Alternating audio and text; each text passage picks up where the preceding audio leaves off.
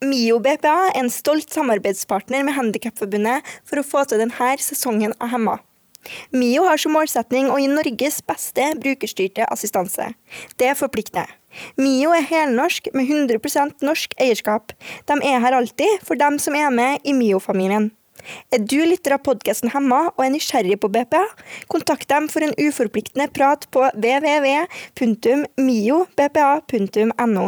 Hos MIO er alle velkommen, uansett funksjonshemning, og de hjelper deg med søknaden din om du trenger det.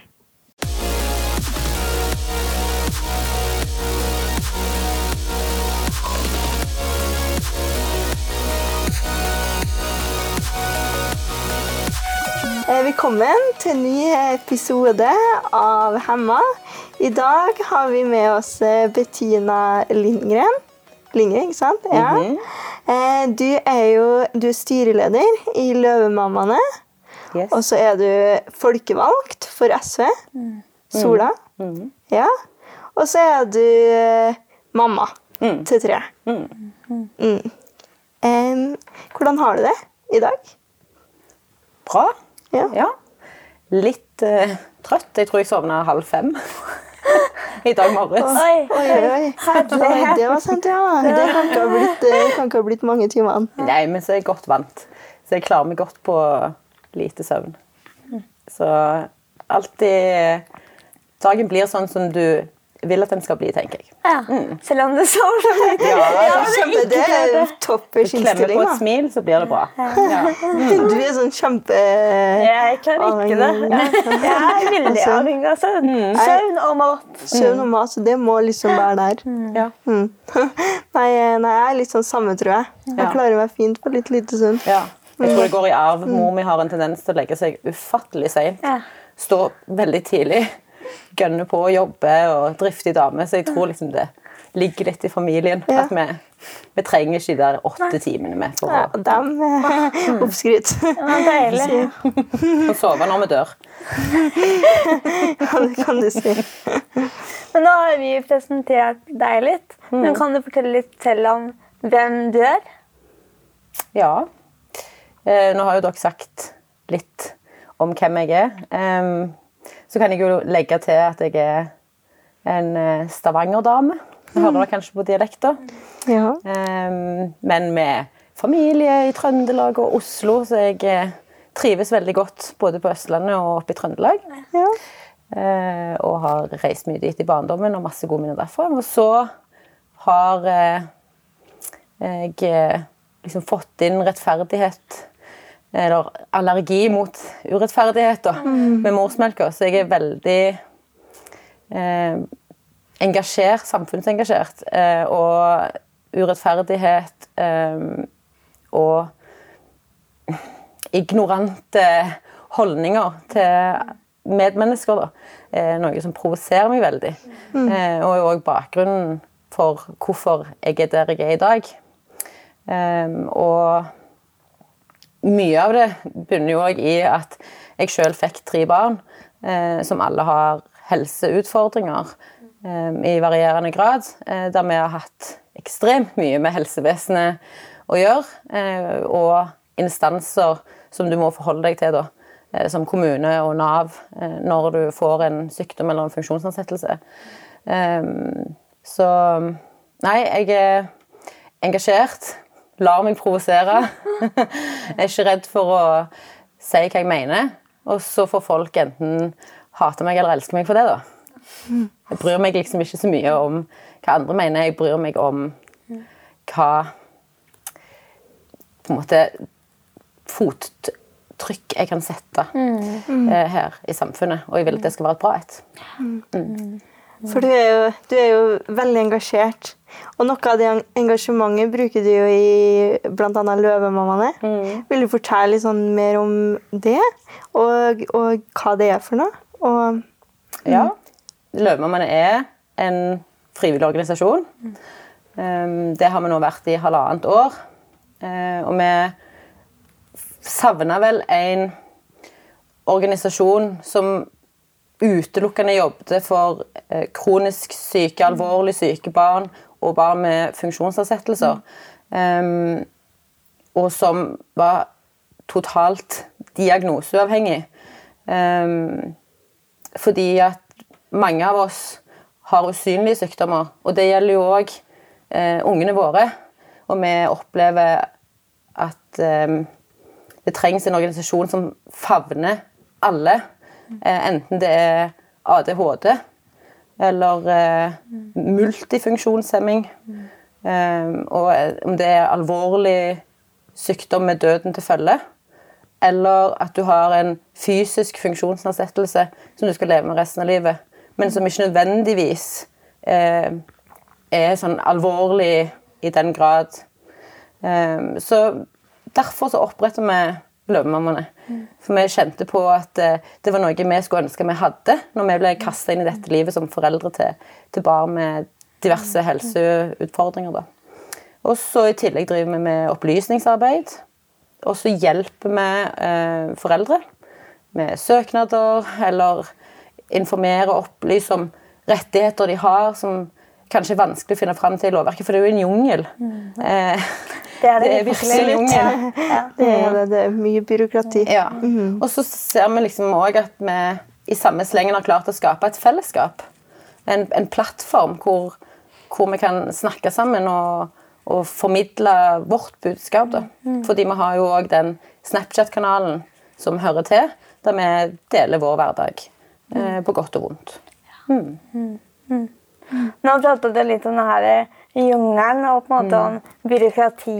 Og, og, det er sånn noe som gjør meg forbanna. At det er så vanskelig å på en måte komme seg gjennom den her eh, Vite hva man skal søke på, og hva man har rett på, og hva man har krav på. Yes. Eh, men hva er det på en måte sånn Hva er det som gjør deg skikkelig forbanna?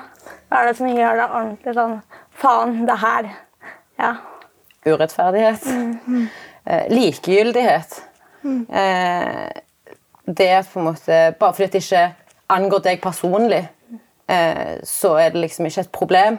Jeg tenker at Vi må bli flinkere til å engasjere seg i andre sine problemer og andre sine utfordringer, selv om det ikke nødvendigvis angår oss sjøl, enten det er Black Lives Matter eller det er eh, likekjønnede som liksom ønsker å gifte seg i kirka. Altså, uansett hva det er, da Eh, og så blir jeg jo jækla provosert av en del holdninger mm. som en møter i møte med dette det her systemet da, som en må forholde seg til. Mm. At en ikke er like mye verdt. At det ikke er en selvfølgelighet at du skal få lov til å leve livet som alle andre. Det, det gjør meg skikkelig forbanna. Mm. At folk prater til oss som om at vi liksom ikke vet sjøl hva vårt eget beste er. Mm. Spar meg. Ja. Mm. ja, det gjør oss eh, ganske forbanna òg, mm. av og til. Eh, det gjør det også. handler jo det veldig om liksom privilegier og sånn bevissthet òg, da. Mm. Liksom hva man Altså hvis man eh, Hvis man kan gå trappa, mm. så er det ikke Så er det liksom den at man ikke tenker over nødvendigheten av f.eks. en rampe. Altså at det er jo hele den her, på en måte.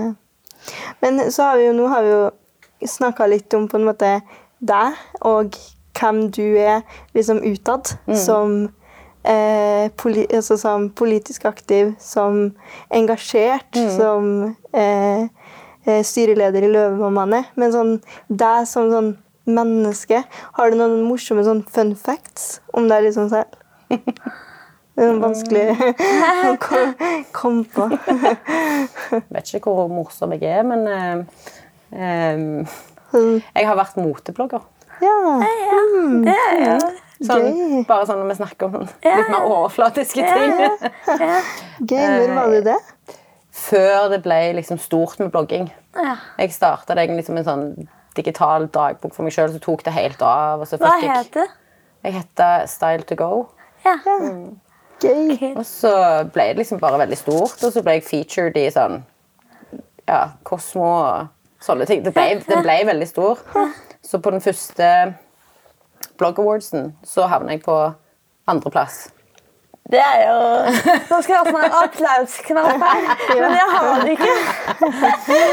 men uh, ja. Men så syns jeg det ble for mye stress og mas. Eh, fordi at du kan jo tjene gode penger på å være blogger, men jeg på en måte gjorde det ikke for pengene, jeg gjorde det for meg sjøl. Så når det ble liksom begynte å bli stilt krav til at jeg måtte legge ut sånn, og jeg ikke kunne stå for det, så var det sånn Nei, dette gidder jeg ikke. Så da slutta jeg.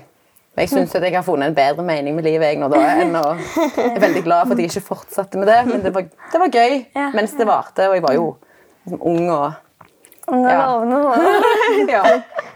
Det er en veldig morsom eh, fun fact, da. Ja. Faktisk. Som ikke alle vet og sånn. Nei. Kult. Så har jeg vært på Ja.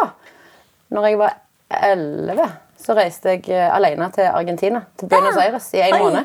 Oi, du var elleve? Yes. Når du var elleve? Hvorfor det? Ja, jeg var på noe som heter CISV. Ja. Children's International Summer Village. Oi. Og Der var det da barn fra hele verden. Så var det fire fra, fire fra hver nasjon som reiste som gruppe. da. Og så er hele formålet er jo antirasisme.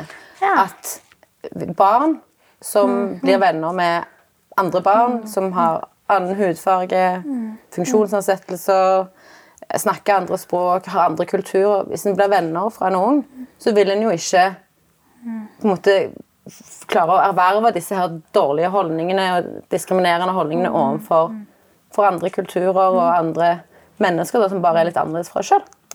Utrolig Så- kult. Wow, en elleveåring. Ja. Låne i Vi hadde jo, hadde jo ikke mobil og, Nei, ikke og sånn sant. da, så det var bare Ha det, mamma! Snakkes om en måned. Ja. herregud. Ja. Ja. Så, men det var en opplevelse for livet, altså. Det var fantastisk. Og altså, hvis alle barn kunne få dratt på noe sånt Ja. når de var mellom ni og tolv år, så hadde vi hatt eh, mindre rasisme. Mindre fordommer. Ja, fordi at eh, nå eh, eh, har vi et spørsmål som er sånn Hva ville de gjort om det var statsminister en dag? Og nå sa de at man ble sendt av barn på å reise til Argentina for å prate om rasisme. Eh, men eh, har du noen andre glupe ideer der? Hvis jeg hadde vært statsminister for en dag, så hadde jeg fått det sykt travelt. Og jeg hadde vært våken i 24 timer. Ja, det hadde Ja. vært litt av en jobb på en dag. Det er ikke Ja. en jobb gjort på en dag. Nei. Men jeg, eh, sånn drømmescenario, da, hvis jeg hadde vært statsminister og liksom hatt fullmakt til å gjøre hva jeg ville, ja, ja. så først og fremst CRPD inkorporert i norsk lov. Ja, ja. Ingen tvil. Um, og så tenker jeg at BPA eh, må være en rettighet i folketrygden. Mm. eh, og helsehjelp må være en rettighet inn i BPA igjen. At du skal kunne organisere livet ditt akkurat som du sjøl vil. Og det skal være en rettighet uavhengig av hvilken kommune du bor i. Eh, og så hadde jeg eh, gjort ledsagerbevisordningen til en til nasjonal ordning uten nedre aldersgrense. Um, å, gud. Jeg hadde gjort sånn at alle foreldre eh, som mistet ungene sine, hadde fått pleiepenger i tre måneder. For jeg mener at det er jo ikke forskjell på sorgen eh, til foreldre om de har hatt pleiepenger i ett år eller hatt pleiepenger i tre år når barnet dør. Det er jo ikke mindre vondt. Eh, og tre måneder tenker jeg det er lite. Lite tid Ja, til for å det er det som er nå. Det er tre måneder. Nei, nå er det tre måneder for de som har hatt pleiepenger i tre år. eller mer. Men for de som har hatt pleiepenger i mindre enn tre år, så får de seks uker. For da er tydeligvis sorgen mindre. ja, ikke sant. Eh, og så må jeg, jeg noterte meg litt òg, fordi dette har jeg tenkt mye på. Jeg hadde gjort noe universelt utforma. Ja. Bare satt av midlene til det. For det er sånn som det er nå. Det er ikke godt nok. Um, og liksom, universelt utforma lekeplasser òg. Fordi det bygges fortsatt lekeplasser med disse her dustete trestokkene rundt. Eh, og, og så, eller så bygges de som universelt utforma at alle barn kommer fram til lekeplassen. Men de kan jo ikke være, være på noen av lekeapparatene, for ingen av lekeapparatene er universelt utforma. Um, og så Nei, det er så mye. Det er vanskelig. Jeg hadde fått det travelt, som sagt. Så det er reformert Nav og Kommune-Norge. Ja, det stemmer på deg. Sendt alle ja, ja. ansatte på sånn holdningskurs. Ja. Ja, vet du hva? Åh, nei, det er mye en skulle ha gjort. Men det er, ser- CRPD-en i norsk lov er nøkkelen til mye. Er det som første? Ja, Mm. ja førstepri. Og for, Ja. og for dem som på en måte lytter eh, Ja. og ikke vet Altså sånn inkomperer CRPD. Det blir ofte en sånn derre Hæ, hva er det for noe? Eh, når man hører det. Eh, men det at man tar funksjonshemmede sin rettighetskonvensjon eh, inn i loven, på samme måte som kvinnekonvensjonen og barnekonvensjonen inn i loven i dag, da. Så ikke ikke funksjonshemmede sin rettighetskonvensjon der. Eh, og det var vel det der og er jo liksom helt sånn her Ehm, og det er jo en sånn litt sånn interessant diskusjon å ta, fordi funksjonshemmede opplever jo eh, eh, ganske sterke rettighetsbrudd. Og det er jo- veldig eh, der, sånn som du snakka om tidligere, det er i hvert fall en sånn ting som gjør meg sånn skikkelig forbanna. Sånn, der, sånn nesten litt sånn ah, Man vet nesten ikke helt hvor man skal begynne engang. Fordi at argumentasjonen også for å ikke eh, ta inn rettighetskonvensjonen i loven, er jo Nei, men altså, det trengs jo ikke. Altså, det er jo så bra i dag. Funksjonshemmedes sine menneskerettigheter brytes jo ikke. Altså Selv om Norge får massiv kritikk fra FN. Selv om, altså så det, det sier jo litt grann liksom rundt den her eh, mangelen på bevisstgjøring av at eh, Og så sier det også noe om denne umenneskeliggjøringa. Ja. Vil jeg si. At man, at man blir ikke sett på som mennesker, Men rett og slett. bruker. Mm. Og Eller da pasient. heller har man ikke behov for de samme menneskerettighetene. Så man eh, bør jo være fornøyd med sånn som man har det så lenge man eh, får eh, hjemmesykepleien annenhver torsdag. Ja. Eller Liksom. Eh, Man bør Ja. Ja, la oss snu litt på det, da. Mm. La oss si at det kommer en, en mørkhuda mørkhuda mann eller dame og skal inn på en restaurant. Og så blir han nekta adgang. Hvordan hadde det slått Nei, ut? da hadde folk reagert i hit og greier. Mm? Eller det kommer en lesbisk kvinne og vil inn på et hotell. Her vil jeg sove i natt, men får ikke lov. Blir nekta adgang. Altså, det hadde jo klikka for folk. Men dette skjer hver dag. Hver eneste dag mot mennesker med funksjonsnedsettelser. Kun fordi de har en funksjonsnedsettelse. Og så aksepterer vi det, og så finner vi på bullshit-unnskyldninger for at det er greit. Ja, det er så kostbart. Ja, men kulturminne og verna bygninger og, og den fine bros, brosteinen vår i Stavanger, vet du. Brostein overalt. Men jeg kan ikke asfaltere. Kanskje gjøre det tilgjengelig for mennesker med funksjonsnedsettelser. Fordi, fordi et brostein har jo ligget der siden 1900 sprettkaldt. Så det er ikke så nøye at den er veldig diskriminerende overfor Norges største minoritet. Nei, ikke Den sant? har jo vært der, altså. Så den der er sånn snodig. Og jeg husker i Trondheim, da, så var det sånn sykkel-VM eller et eller annet en gang. Og da, eh, da tok de og asfalterte. Liksom, og det er masse masse brostein i Trondheim. I store er deler av sentrum. Og da tok de og asfalterte alt sammen da, for sykkel-VM. Sånn at det skulle være enklere å sykle. Men, og da tenkte, da tenkte vi sånn Yes, det er jo kjempebra. To fluer i en, en smekk der. Supert. Men når sykkel-VM var ferdig, så tok de det tilbake. Nei, fy faen. Nei! Kødder Det Så sånn det, er, det, er, det er som å Den er litt som å bli spytta i. Ja. Så det er langt, lenge, lenge, lenge siden. Men, men altså, den der er litt sånn Og så tenker jeg også litt sånn i forhold til sånn, um, det du snakka om om restauranter Ja. og, og, og utesteder og sånne ting òg. Jeg var på em, jeg var på em, roadtrip med familien i sommer. Så jeg og, eh, og broren min og pappa da, vi var på et hotell i Lofoten. For det er jo der folk drar i sommer. Ja, ja, så der har jo jeg også vært. selvfølgelig. Og så der også sa de at nei, eh, vi hadde vel liksom bestilt eh, hotellet eh, på forhånd og alt sånn, men, der, men vi hadde ikke jeg hadde ikke sagt da at, eh, at eh, jeg brukte eh, rullestol. Det kunne jeg jo gjort, men, eh, men det er noe så. Og så kommer kom jeg jo dit, og så sier de at nei, eh, de har, jeg har fått rom i andre etasje, og da må ikke heis. Og da sier jeg sånn, nei, ok, men da må jeg jo få et rom i første etasje da. Så sier de sånn, nei, men du har fått et rom i andre etasje. Og så er jeg sånn, ja, men jeg kommer, jo meg, ikke, kommer meg jo ikke dit. Og da er de sånn, ja, men altså, det er ikke vårt problem fordi at du har ikke sagt fra på forhånd. Og jeg kan jo liksom forstå sånn der, men sånn, du hadde jo aldri det er jo en, altså, Du hadde jo aldri måttet si fra på forhånd hvis du skulle inn på et utested eh, og du var lesbisk, Nei. eller hvis du skulle inn på en restaurant og, ikke sant? Nei. Du hadde jo ikke trengt det. Så det er liksom litt med å på en måte Hadde bare Norge vært universelt utformet, så hadde Hadde- ingen måttet gitt beskjed på forhånd Nei. om noen ting. Nei. Og det er jo sånn um, Altså, jeg kunne altså da, hvis den, altså Hadde det hotellet vært universelt utforma, da hadde den heisen funka. Altså, Så det er jo litt sånn, hadde det vært universelt utforma, så hadde man jo ikke trengt å på en måte utlevere funksjonen sin for å kunne delta i samfunnslivet. Nettopp. Vi hadde jo et medlem i NRP som ikke kunne gå på jussen på Universitetet i Oslo fordi det var verna bygg.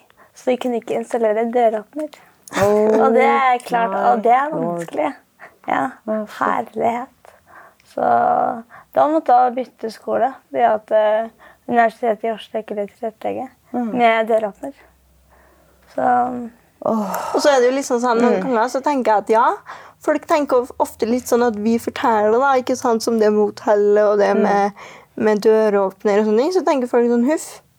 Det var trist. Ja. Det var skikkelig trist. Og så er det sånn der, ja, det er greit, det, men at man tenker sånn Det var trist, men sånn er det. Det Sånn er det jo. Ja. Men så er det sånn, det med å på en måte bli sånn skikkelig forbanna, da, og den bevisstheten over at det her er jo på en måte, det her er jo samfunnsskapt. Ja. Det er jo samfunnsstrukturer. Ja. Det er jo rettighetsbrudd. Det er mennesker som ikke får de samme mulighetene kun eh, altså der altså som der funksjon, altså, fun eller funksjonshemning er en faktor. da. Og det er liksom sånn der, Jeg syns folk nesten blir litt altså Folk blir altfor lite forbanna. da. Ja, ja. Eh, fordi at det er så internalisert. da. Det er jo en sånn uh, saying if, if you are not angry yet, you are not paying attention. Og det er jo det at eh, folk de hører, men de lytter ikke. Sant? Og hadde de lytta, så hadde de blitt forbanna. Og hadde de blitt forbanna, så hadde de tatt med seg dette i det de gjør. I alle samtaler de tar. sant? Eh, og det tror jeg er helt vesentlig eh, for å kunne skape forandring. At vi, vi Ja, vi er mange, vi er 17-18% av Norges befolkning. Men vi trenger òg folket med oss. altså sånn et, et folkeopprør. Og da må folk få den kunnskapen og, og ta den i bruk i hverdagen òg. Altså, stå opp for og kjempe for våre rettigheter ved siden av oss. Brøle sammen med oss. Og, sant? Eh, det er noe med at vi Det er òg litt av grunnen til at jeg er som jeg er da, og er offentlig, fordi at jeg føler at jeg kan være med og opplyse folk. Gjøre folk forbanna. Få folk med. Få folk til å engasjere seg. Det er skikkelig viktig at man får med folk, som du sier. Fordi at eh, det er det her med at man ikke ser det selv. Da. Man har på en måte privilegiet, som jeg pratet om, og kommer seg opp de trappene. Men at vi er nødt til å på en måte Vi er ikke alltid nødt til å på en måte på, eh, fortelle andre om, om det heller. Man kan lære seg om det på egen hånd, men det er viktig at det er noen synlige stemmer der ute som fronter det at de trappene her, det er ikke, det er ikke tilgjengelig. Det er ikke Og det er mulig. Det er jo mulig. Altså, når en ser Black Lives Matter Det er jo ikke bare, det er jo mørkhuda folk ute i gatene.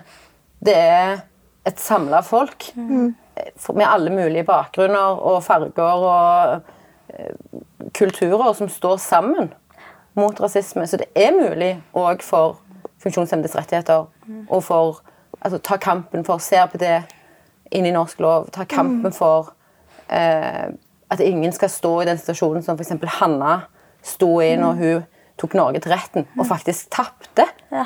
Og blir lovlig diskriminert av staten Norge. Sant? Eh, sånn at jeg, jeg tenker at får vi folk i ryggen, så er vi mektige. Og mektigere enn de som sitter og peker og bestemmer. Absolutt. Eh, Du har jo på en måte snakka litt eh, rundt det allerede. Eh, men men em, du deler jo ganske mye på sosiale medier fra på en måte ditt, eh, fra ditt liv og dine barn. Og det er jo ganske sånn personlig. Og på en måte Det er jo Eh, det er jo et valg eh, som du har tatt, og det er jo veldig mye større enn på en måte Altså det bare Eller det blir jo større enn bare på en måte dere. Det blir jo noe veldig mye større. Eh, Men litt sånn Hva koster det deg? Eh, og hvordan opprettholder du det som er privat, i det å skulle ta på seg den hatten, da? Mm, Mm. Godt spørsmål. Da tenker jeg at vi må tilbake til 2017. Eh, eller 2016-2017, når regjeringen valgte å kutte helt enormt i pleiepengeordningen, som er en, altså, kort fortalt, en, en rettighet i folketrygden for foreldre som har syke barn, eh, sånn at de kan få pleiepenger eh, som inntektserstatning da, mens de er på sykehus med ungen sin, eller er hjemme, og ungen ikke kan Um, altså er for syk til å være med på ting og være i skole og barnehage, eller bare delvis, og så må foreldrene være hjemme og pleie og ta seg av barna. Uh, og dette er en ordning jeg og mange andre uh, har vært delvis eller helt avhengig av uh, over tid. Uh, og det mener vi, vi mener at pleiepengeordningen selvfølgelig bør være sånn som man er nå, men det har jo kosta i to år å få den sånn som man er nå. For når de kutta Eh, så var det jo, innebar jo det å frata oss økonomisk trygghet. eh, Og forvente at vi skal gjøre en, eh, gjøre en jobb eh, gratis, nærmest. Ikke sant? Eh, Men eh, uansett. Når de kutta, så prøvde vi. Altså, vi sendte mail til politikere lokalt, på fylkesnivå og på sentralt nivå. Eh, Vi tok kontakt med media og skrev kronikker som vi ønsket de skulle eh, ta, men det var, det var ikke så spennende. Sant? Så fant vi ut det. Ok, da må vi vise hvem det er de kutter hos. Eh, på, altså, på godt og vondt. Eh, mest vondt. Og da valgte vi å dele våre historier. Vi starta denne her Facebook-gruppa, denne aks- pleiepengeaksjonen. Delte historiene våre, og så bare raste det inn fra andre foreldre som delte sammen med oss. Og det ble jo et enormt trykk, og det eksploderte med medlemstall på denne gruppa. Og da tok media saken. For da var det disse her ungene som det var fryktelig synd på, da, som engasjerer, og så, og så ble det spennende nok for media likevel. Og du er helt avhengig nesten av media og folk for å på en måte kunne nå opp til det store storting. da. Eh, og da så vi jo at nå har vi en helt enorm makt i denne her formidlingen vi har valgt. Altså den, og det er klart det var, var ikke et lett valg å skulle blottlegge oss sånn som vi valgte å gjøre. og vi, mange av ungene våre på den tida var for små eller for syke til å forstå hva vi valgte å dele. Så vi måtte jo ta det valget, så veie liksom for og imot. da. Er det eh, liksom etisk riktig å dele? Eh, eller bør vi liksom holde, oss, eh, holde, til- holde informasjonen tilbake? Men vi fant ut det at hvis vi ikke deler, og ikke får endra denne loven, og ikke får reversert disse kuttene, så vil jo de bli liksom måtte enten forlatt på institusjon, eh, eller så hadde vi mista tak over hodet. Vi hadde mista husene våre eh, fordi vi hadde mista inntekten. Så vi fant jo ut det at når de blir eldre, hvis de blir eldre, så ville vi kunne forklare dem at dette måtte vi gjøre for at dere skulle få lov til å ha mamma og pappa hos dere. Så vi tenkte at ok, vi kan forsvare det med at det var dette som måtte til. Og det var det som måtte til. Eh, og det tok over ett og et halvt år, men så fikk vi faktisk gjennomslag på fire av fire punkter. Vi fikk ikke bare reversert kuttene, men vi fikk jo forbedra ordningen betraktelig. Sånn at ingen foreldre noen gang skal sitte med den usikkerheten som vi satt med i 2017 til 2019. Og det danner grunnlaget for at jeg velger å dele. For jeg har sett det at gjennom åpenhet så kan du drive kunnskapsformidling. Og kunnskap får du kun hvis noen velger å, å dele med deg. Eh, og noen må liksom ta på seg den hatten, da, som Marianne sier. Og det fant jeg ut at ok, det vil jeg gjøre. Har hatt mange prater om ungene mine, hatt lange prater om ungene mine om hva det innebærer. Um, og jeg spør de alltid før jeg legger ut noe. Spør om de syns det er greit. Sier de nei, så legger jeg ikke noe ut. Mm. Veldig bevisst på, på det. Og så vil det alltid være noen som syns de er for unge til å kunne ta det valget og forstå, og, og det er de nok til en viss grad. Um, Men jeg har funnet ut, det at meg og mine barn og vår familie, at vi er åpne i sosiale medier, det har åpna dører. Um, og det vil fortsette å åpne dører. Uh, det gjør at folk, andre foreldre og barn ikke føler seg så alene, inkludert mine barn.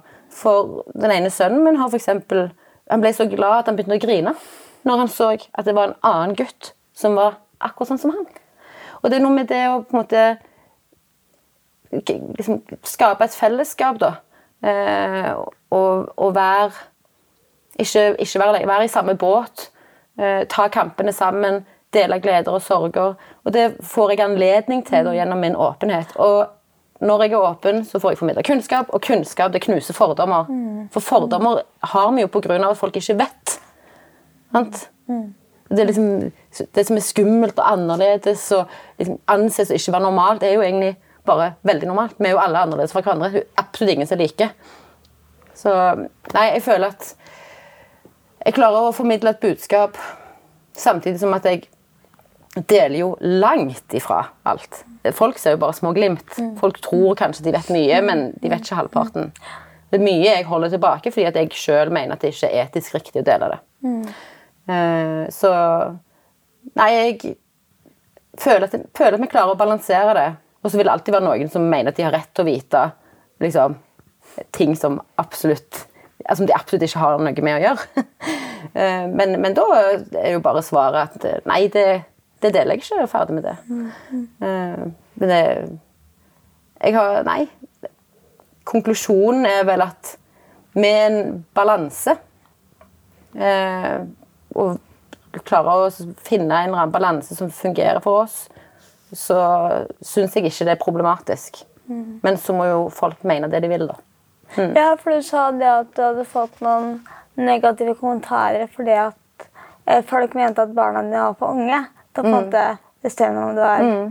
etisk riktig eller ja, om de ville at bildene skulle legges ut. Ja. Har du opplevd noen eh, andre på en måte negative kommentarer eller noe hets retta mot deg fordi du deler? Ja. Jeg har blitt kalt barnemorder. Fordi at jeg eh, er jo for at kvinner skal kunne bestemme over egen kropp. Eh, at en skal kunne ta um, abort, f.eks. Så i temaet om abort så har jeg jo blitt kalt barnemorder, da. Mm. Eh, og så har jeg jo eh, meg og ungene, eller ungene, blitt kalt eh, sirkusdyr.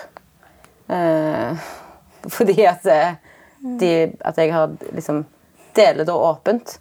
Men jeg tenker da er funksjonsfriske barn som andre foreldre deler i sosiale medier, de òg sirkusdyr, da, eller er mine det fordi at de har en sykdom? Mm. Sånn, sånn, at eh, det er absolutt eh, absolutt fått hets og, og, negative kommentarer, men jeg vil si at det er 99 mot 1 Det er veldig lite.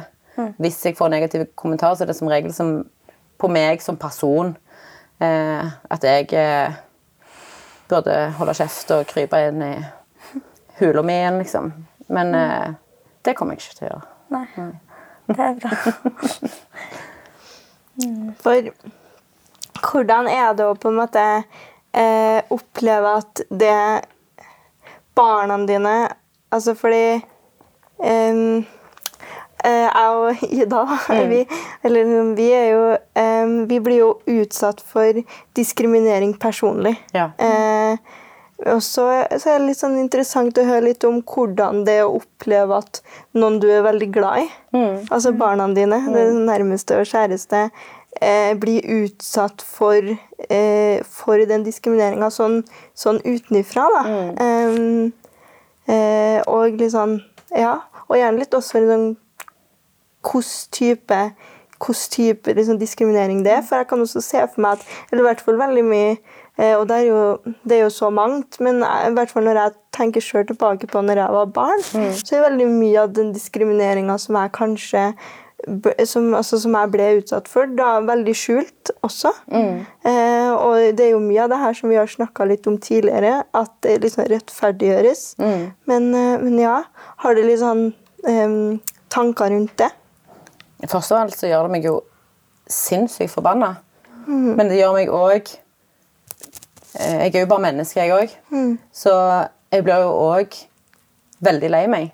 Og jeg kan føle meg ekstremt maktesløs og motløs.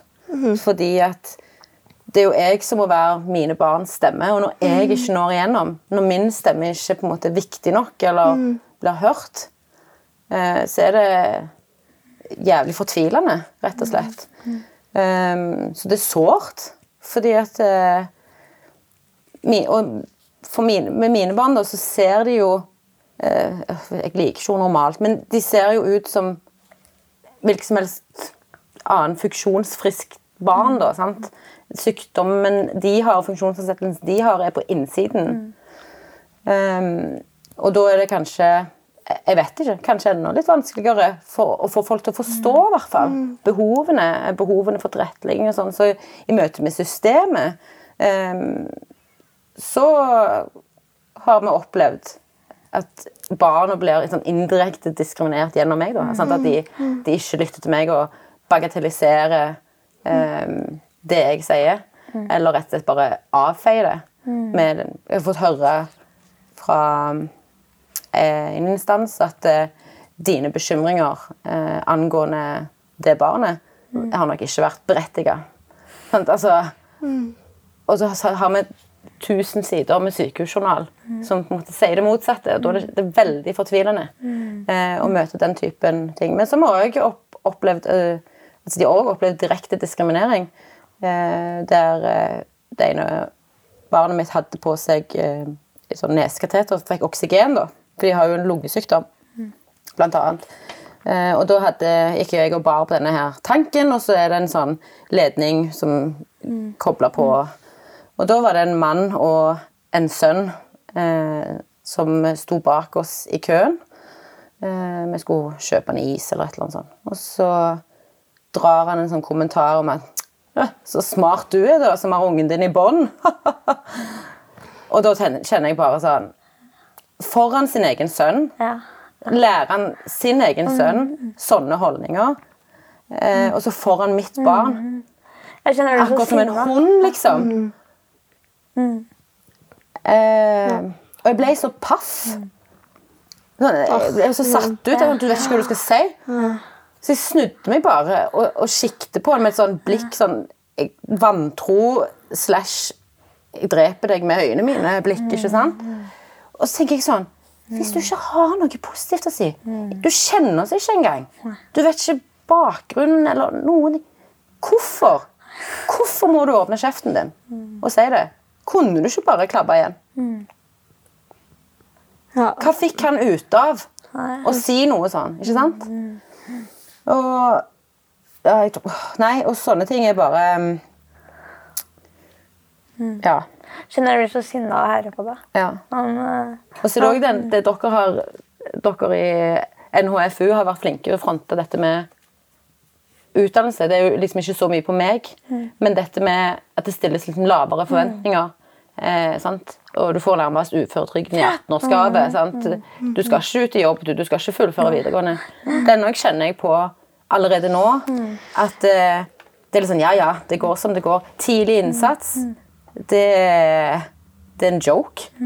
Fordi at eh, mine barn går på skolen nå, og får ikke den tilretteleggingen som trengs. Sånn at der òg er det sånn De Og det er jo liksom en sånn følelse man får òg, og som i hvert fall jeg tenker at jeg mm, altså sånn, har måttet ha sagt til meg selv. em, og spesielt liksom for min del, da, så det har jeg jo snakka om mange ganger, men da har det vært veldig viktig å bli bevisst på strukturene som Altså på en måte hva som er diskriminering, da. Eh, og når jeg møter det. Fordi det er så innmari lett å tenke at det er en selv det er noe galt med. da. Ja. Eh, fordi det er det. Og så det tenker jeg det er så viktig i forhold til når man er i yngre alder. Fordi en del av på en måte den internaliserte diskrimineringa, den liksom skjulte, som gjerne Det er jo masse, masse mikroaggresjoner Ja. i det. Altså at man sier noe som er, er hyggelig, i gåstegn, men så er det ikke hyggelig. Det Nei, ligger liksom noe bak, eller at man gjør det fordi at det er det beste for, eller gjør det for å liksom beskytte, eller sånne ting. Men man hører jo masse eh, eh, hvert fall, eh, i hvert fall gjorde jeg det, opp gjennom skolen, at man, man blir liksom den personen, eller det mennesket, da, som ikke satses på. På, så syk, eh, på så sykt mange leveler, liksom. Ja. Og det tror jeg det er så viktig å på en måte at den, den er så viktig å se, eh, fordi at det vil jo også på en måte påvirke at jeg også i voksen alder må liksom si til meg selv at eh, den tanken her kommer nok fordi at Den tanken her er nok fordi at Og så igjen og igjen og igjen til meg selv fordi at man opp gjennom et liv har fått fortalt at, eh, at eh, man ikke er verdt det, på en måte. Mm. eller ikke kan. Eh, Eller ikke Eller kan, eller er ikke, ikke bør, nok. eller ikke, Ja. ikke, ikke når opp der. Mm. Ja, helt enig. Nei, vi, også, vi har òg det, tror dette, dette, Og det bunner igjen sant? mangel på kunnskap, fordommer, holdninger overfor mennesker med funksjonsnedsettelser. Så det er alt, altså, sum, når du summerer alt, så kommer jo Alt lander jo på en måte igjen på at en har ikke kunnskap. Nei. Har ikke kompetansen. En er ikke bevisst.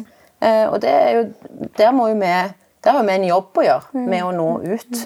Eh, sånn som for eksempel når jeg tar med mine barn på tur. Eller i ja, en fornøyelsespark. Sant? Eller ting som på en måte krever mer energi av dem. da, Enten det er en heldagsaktivitet eller det er lengre avstander. og sånne ting.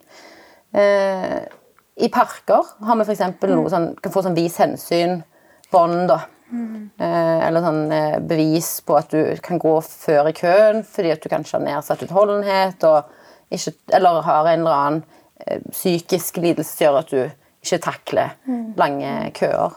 Eh, og vi har jo opplevd å bli brølt etter eh, av dette. Når vi var i Hunderfossen eh, i forfjor, så sto vi gikk vi for å gå utgangen eh, inn, da.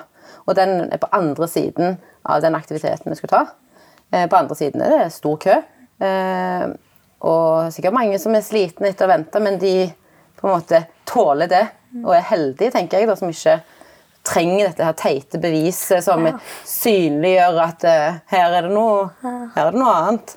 Men uansett, da, for oss er jo det en velsignelse å få et sånt bevis, fordi det gjør at vi kan ha en kjempefin dag i parken. Eh, og delta i parken på lik linje som andre. Så brøler det en mann, voksen mann. Faen, snikere! Over, over til oss. Og vi er de eneste som står der idet vi går opp i denne her rafting-greia. Og ungene mine altså Øynene ble liksom store som tallerkener, og så sier jo han eldste til meg sånn Sniker med mamma? Sånn. Er han sint på oss? Hvorfor er han sint på oss? Ja. Og så står det i køen på andre sida mange voksne mennesker. Ingen sier noe, men der står det òg veldig mange barn. Som alle nettopp har vært vitne til at denne pappaen har liksom brøla til en familie på andre sida, og det er helt greit. Ingen tok oss i forsvar. Jeg hadde ikke anledning, jeg heller hadde nok med å på en måte få ungene mine opp i denne her raftingbåten og på en måte prøve å liksom øh, forklare at øh, Ja, hva sier du? Det som er interessant, er at begge de tilfellene jeg prater om, Ja. så er det foreldrene Ja. som eh, Det er ikke ungene. Ja. Så det viser jo bare at dette er lært. Så kjenner jeg bare at jeg blir så lei meg fordi disse ungene til disse foreldrene igjen, de er uskyldige. Men de lærer seg Men de lærer seg mm. å bli mennesker som på en måte hever seg sjøl over andre. da. Men hvorfor tror du det? For jeg prata om det her med at eh, man er nødt til å gi kunnskap eh, om på en måte funksjonshemmede. Så folk ser at måte, det er et reelt problem at det ikke er tilgjengelig i Norge. For eksempel, da. Hvorfor tror du det er sånn at Norges største minoritet blir ofte glemt i på en måte eh, Når det kommer til tilgjengelighet, når det kommer til ting. Og så er det jo i samfunnet liksom generelt òg. Man har ikke noen funksjonshemmede i Ytringsfrihetskommisjonen. Man får ikke en plass med bordet. Man er forventa, man skal sikte lavere. Man, skal, man skal ikke kreve for mye, for guds skyld. Man skal ikke, man skal ikke si så mye. Man, ikke, man blir ikke spurt. Man er ikke forventa at man skal altså, Det er jo masse sånn her. Som blir sett på som masete, da. Eller sint, får vi høre at vi er. Eh, fordi at ni har beskjed. Bitter. Nei um, Jeg vet ikke. Jeg har, eh, har ikke noe godt svar på det. Men eh, med, sånn, i forhold til barn, da, som Som eh, Som ikke er som små voksne, så ser vi liksom at lovverk, retningslinjer og mm. alt av forskrifter og alt som skal på en måte regulere rettighetene til, til barn og unge, der ser vi at eh, det er mangelfullt. Eller nesten ingen, ingenting i lovverket. Det er liksom ikke noe sånn Det er ikke tilpassa barn og unge da, i det hele tatt. Og da er det ikke rart at barn og unge eh, opplever det de opplever i dag. Og at så få eh, Eller at differansen da mellom funksjonsfriske og funksjonshemmede barn og unge som fullfører videregående og ikke fullfører videregående, at den er så stor. Eh, fordi at det er liksom ikke regulert noe i lovverket i forhold til rettigheter eh, til liksom som Barn får jo for eksempel eh, har du barn og får store eller gode BPA-ordninger, så er du nesten sånn eureka. Sant? Ja, ja, ja. Fordi at eh, foreldre, sånn, foreldreplikten den, den veier tungt i kommunene. De er veldig flinke i kommuner og hos Nav på å gi avslag eller avspise barnefamilier med liksom, mindre rettigheter eller mindre tjenester enn det en kanskje ville fått som, som voksen. da. Eh, sånn at det er jo til hinder for barn og unges deltakelse sånn sosialt, på fritidsaktiviteter. Sant? Eh, fordi at de får ikke nok timer for BPA. Hvem søren har lyst å ha med seg mora si på fest når du er 15 år? Hvem har lyst til det? Ingen. Nei, Men, de, men BPA er ikke godt nok regulert og, eh, sånn i dag. Og det, liksom, barn skal, trenger, trenger tydeligvis ikke eh, de samme rettighetene. Så men jeg tror at mye av problemet ligger i det at, eh, at eh, alle tas liksom over en kam, eller at, eller at lovverket og tjenestene som er i dag, eh, hovedsakelig er utvikla med tanke på voksne. Eh, sånn at der kommer vi i Løvemammaene til å kjempe for en egen eh, helse og, og, og lovgivning til barn, blant annet. Og så har vi jo òg kjempa for å få en plass inn i BPA-utvalget, for vi mener at det må være noen der som snakker utelukkende på vegne av barn og unge. Eh, Det fikk vi ikke, men vi fikk et møte med dem og fikk framlagt liksom, våre synspunkter der, da. Men eh, jeg tror at det, det må gjøres noe med lovverket. Eh, fordi at det, det starter fra de er helt små. Eh, sånn at den blir liksom Som du snakket litt om, Marianne, at du må liksom minne deg selv på at dette ikke er greit. Eh, fordi at en, en, en vokser opp med dette. Det blir så internalisert. Ja, en vokser opp med at eh, en ikke kan, eller ikke har mulighet eh, til å f.eks. delta i politikken. For du har ikke timer med BPA til det. Sånn, Du, hvis du vil melde deg inn i et ungdomsparti, så kan det være veldig vanskelig. Hvis du vil gå på fritidsaktiviteter eller på, på leir altså, Hvilken elleveåring kunne reist til Argentina en måned på, på CIS CISV-camp? Sant? Sånne ting. Jeg tenker først Vi må, vi må ha 100% likestilling. Og ikke bare for voksne, men òg for barn og unge. Det starter der. Jeg tenker også at altså, det der er jo eh, vanvittig viktig. Og så tenker jeg en del av det også er representasjon. Ja. Fordi hvis man aldri er representert, så vil heller ikke historien på en måte forandre seg. Nettopp. Fordi at man Fordi stemmen er der ikke, da. Den er ikke-eksisterende. Og det om så man tenker film, serier, eh, det er en ting, men jeg tenker også i beslutninger i, i, i avgjørelser som tas på en måte om oss, da. Eh, der tenker jeg man ikke også, Men også i alt sånn her Man ikke, man ikke man, Det er jo den debatten for eksempel, da, om at mye er skrevet altså sånn Akademisk sett da, så er mye skrevet av privilegerte hvite menn. Yes, yes, Og da ser man at historien og historien går videre og videre og videre. Og videre, og det forandrer seg ikke fordi at det preges, ikke sant? Og det er jo det her med representasjon. Hvis funksjonshemmede aldri får en plass ved bordet, eh, da vil, og ikke er representert, så vil det jo eh, omskrives og omskrives skal jeg til å si, historien.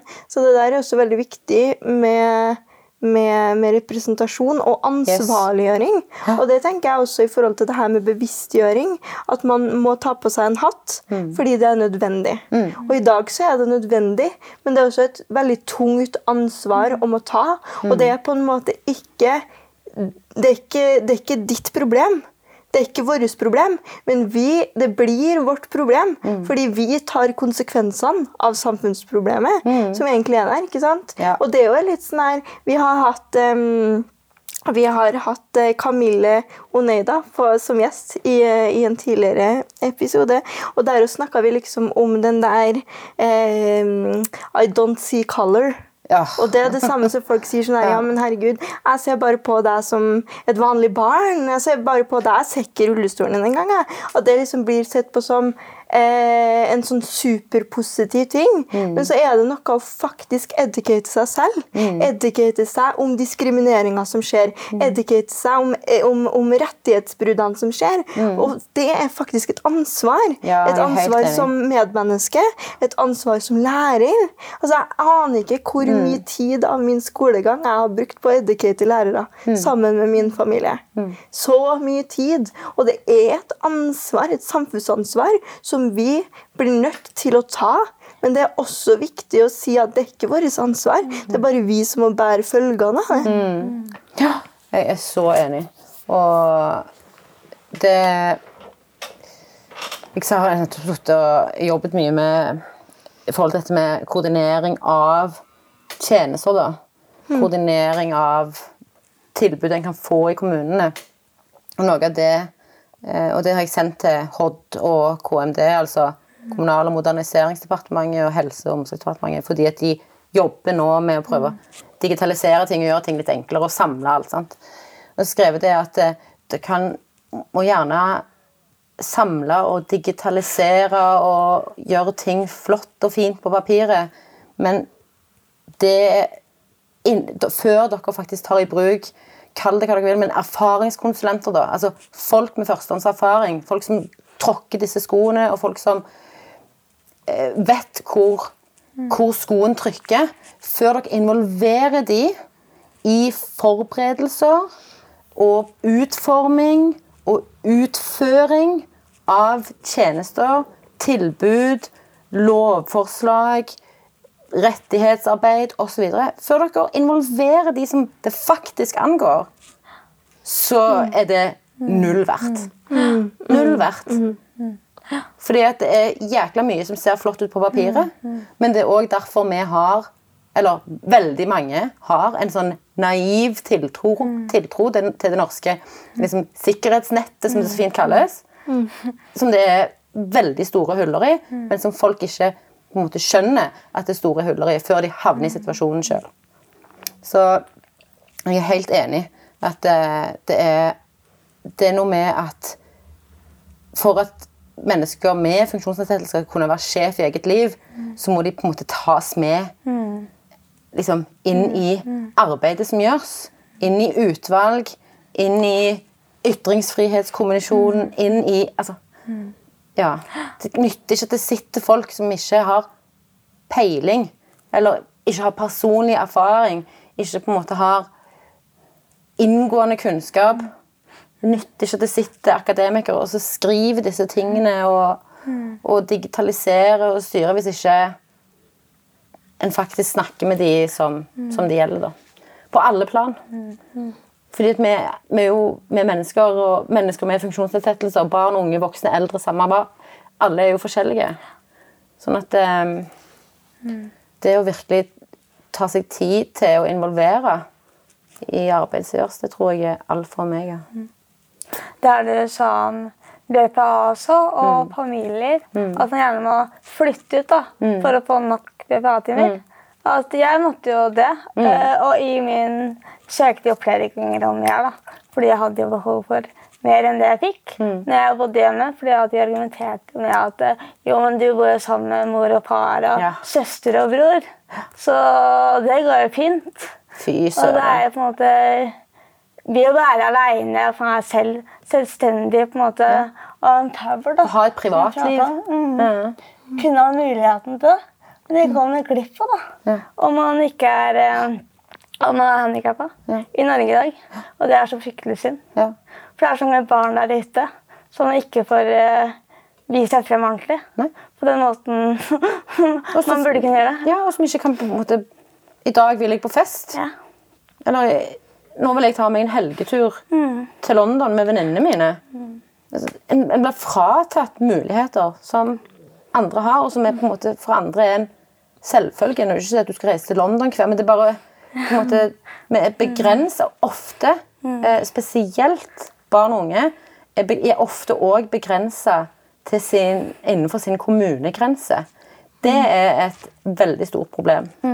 Fordi at vanlige helse- og omsorgstjenester inn under helse- og omsorgstjenesteloven eh, forut, som, altså Ikke BPA, men alle andre tjenester som en ofte får fordi at barn ikke får BPA, er sånne tjenester som er låst til innenfor kommunegrensene. da. Så Det er et samfunnsproblem. Det er ja, det er et kjempesamfunnsproblem. Det er, og det er så provoserende Vi kunne sittet og snakket om det i ukevis. Men um, Og så tenker jeg det er også litt sånn om å um, Om å være liksom Ha lov til å gjøre eh, feil, på en måte, som barn. Eh, er veldig viktig, og med BPA så har man jo muligheten til det. og bare gjøre ting som man ikke egentlig har lov til. Som Yes. å få BPA-en til å ta ned den godteriskåla som du egentlig ikke får lov Yes. til å røre før det er lørdag.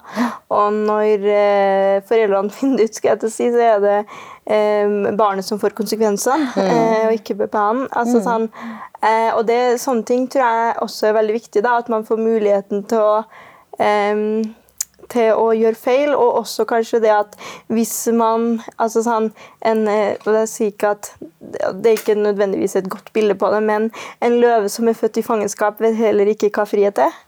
Eh, og det er et godt poeng, fordi at man, man, man vokser opp med begrensa frihet. Eh, og man har mye mer muligheter til å forme seg selv med BPA. Liksom, hvem vil jeg være? Hva vil jeg gjøre?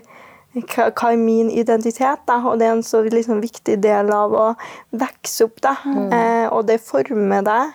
Det former hva du begynner å jobbe med. Det former hvordan du eh, former samfunnet tilbake igjen. Og så ser man jo alle de her tallene med 60 fullfører ikke videregående skole.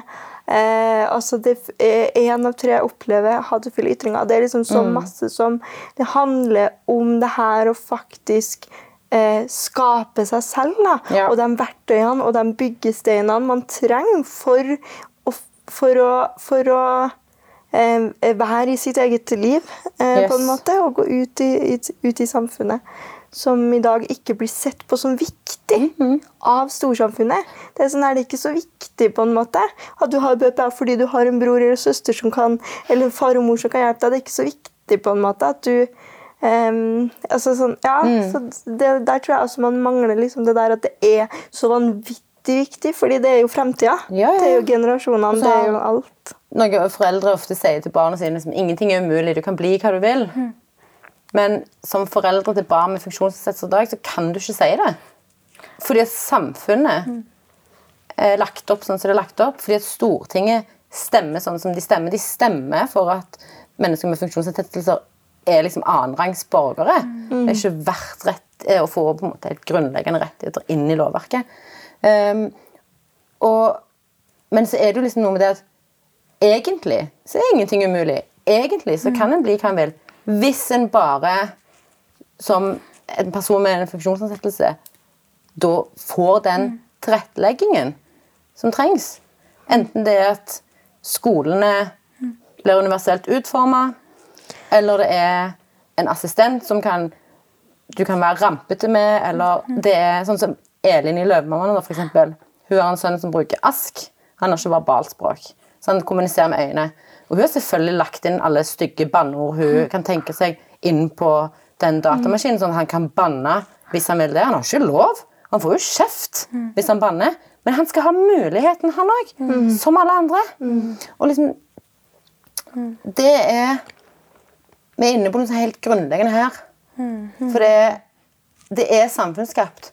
Og det er Bare måten vi ordlegger oss på òg, er jo samfunnsskapt, men er mulig å endre. Og jeg tenker at ordet makt, sånn at i forhold til når vi omtaler mennesker med funksjonsnedsettelser Egentlig så er det helt feil å si funksjonshemma øh, og funksjonsnedsettelse og nedsatt funksjonsevne og sånne ting.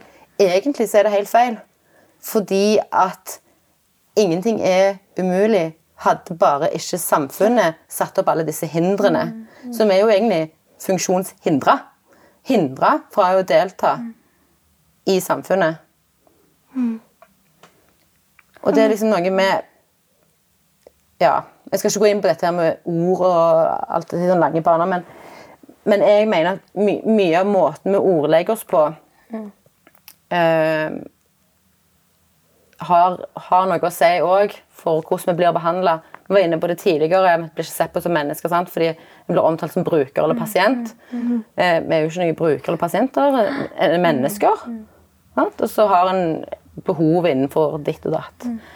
Eh, og det samme er jo med, med, fun med funksjons, at du er funksjonshemma. Eller er du funksjonshindra? Og så kan vi jo sitte og snakke om sånn ord og uttrykk, da, men jeg tror òg at omtale eh, og hvordan, hvordan en definerer ting, er med på å ja, dehumanize Jeg husker ikke hva det er på norsk nå. I farta. Umenneskeliggjør, da. Humanisere, ja. Det, Ja, dehumanisere. Ja. Sånn at Åh, nei. Mm. Vi skal gå mot eh, slutten egentlig av denne utrolig fine, viktige episoden. Eh, med egentlig litt sånn Hva eh, eh, Og du har jo vært litt sånn innpå det eh, tidligere. Men liksom, hva er det du på en måte er mest liksom, stolt av? Eh, hva er det som gjør deg mest stolt? Og det er egentlig veldig sånn opp til deg hvordan du svarer på spørsmålet. Det kan være mm, Altså, ser, altså, jeg er jo selvfølgelig mest stolt av familien min. Jeg har en flott mann eh, som jeg er veldig heldig med. Han er utrolig tålmodig med meg. Eh, og så har jeg jo tre magiske unger. Mm. Som selv om det til tider er eh, full rulle og krangling og alt det som hører med når du har barn, så er det eh, fantastisk. Veldig stolt av de. Men hvis vi ser bort ifra det, da, så er jeg som mest stolt når jeg har klart å få noen til å åpne øyne. Eller at jeg får tilbakemelding fra andre at herlighet, dette var jeg ikke klar over. Jeg er helt sjokkert. Eller nå skal jeg engasjere meg.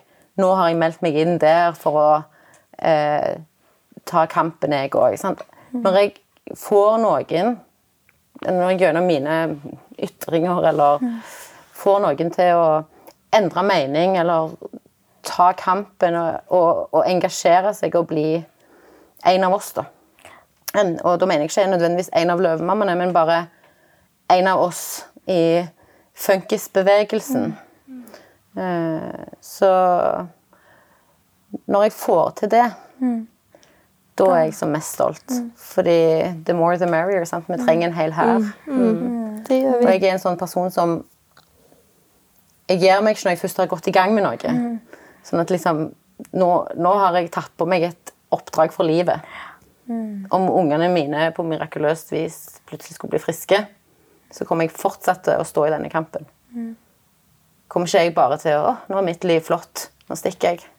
Til, sånn- dette her er liksom et, et, et livsviktig livsoppdrag. Mm. Sånn at når jeg får med Jo flere jeg får med, jo bedre. sant? Mm. Så jeg tror det er noe med, med det. Og så tenker jeg som så at um, Jeg er ikke ute etter liksom å være en inspirasjonsporno for folk. Nei. Nei. er ikke det. Nei. Eh, Men hvis jeg er inspirerende i den, for, altså, i den forstand at jeg, det er inspirerende hva jeg gjør, så kan jeg godt godta det. Bare så lenge vi ikke er inspirerende pga. De, vi- de vi er. At bare fordi en, jeg er en uh, mamma til tre barn med, med funksjonsnedsettelser, så er vi inspirerende. Jeg vil, jeg vil i så fall være inspirerende pga. det vi gjør. Og at den inspirasjonen igjen fører til at folk engasjerer seg og brøler med oss. Så hvis vi får flere med i kampen for eh, syke funksjonshemmede barns rettigheter, eller får flere i, inn i kampen mot diskriminering, så kan jeg godt være litt inspirerende. altså. Men, men jeg det er noe med å, å være bevisst på det òg, da. At eh, jeg er først og fremst her for å informere.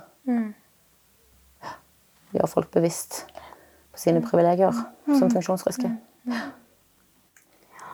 Og med det tror jeg vi sier, eh, må si tusen takk til deg eh, for at du ville komme eh, hit og prate sammen med oss. Veldig kjekt. Det har vært veldig, veldig fint å ha deg som gjest.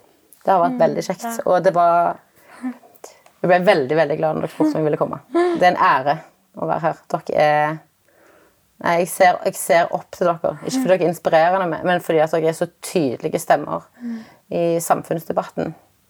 Eh, Så fortsett. Fortsett med det.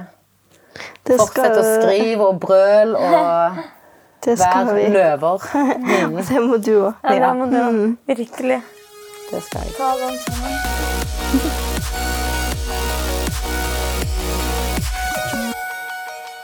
Podkasten Hemma har et sponsorsamarbeid med Kivanes Norden. Uten dem hadde ikke denne podkasten kunnet drevet med sitt banebrytende arbeid. Kivanes Norden er en internasjonal humanitær organisasjon av frivillige som aktivt arbeider for barn og unge. MIO BPA er en stolt samarbeidspartner med Handikapforbundet for å få til denne sesongen av Hemma. MIO har som målsetning å gi Norges beste brukerstyrte assistanse. Det forplikter. MIO er helnorsk med 100% norsk eierskap. De er her alltid for dem som er med i MIO-familien. Er du lytter av podkasten Hemma og er nysgjerrig på BPA? Kontakt dem for en uforpliktende prat på www.miobpa.no. Hos MIO er alle velkommen, uansett funksjonshemning, og de hjelper deg med søknaden din om du trenger det.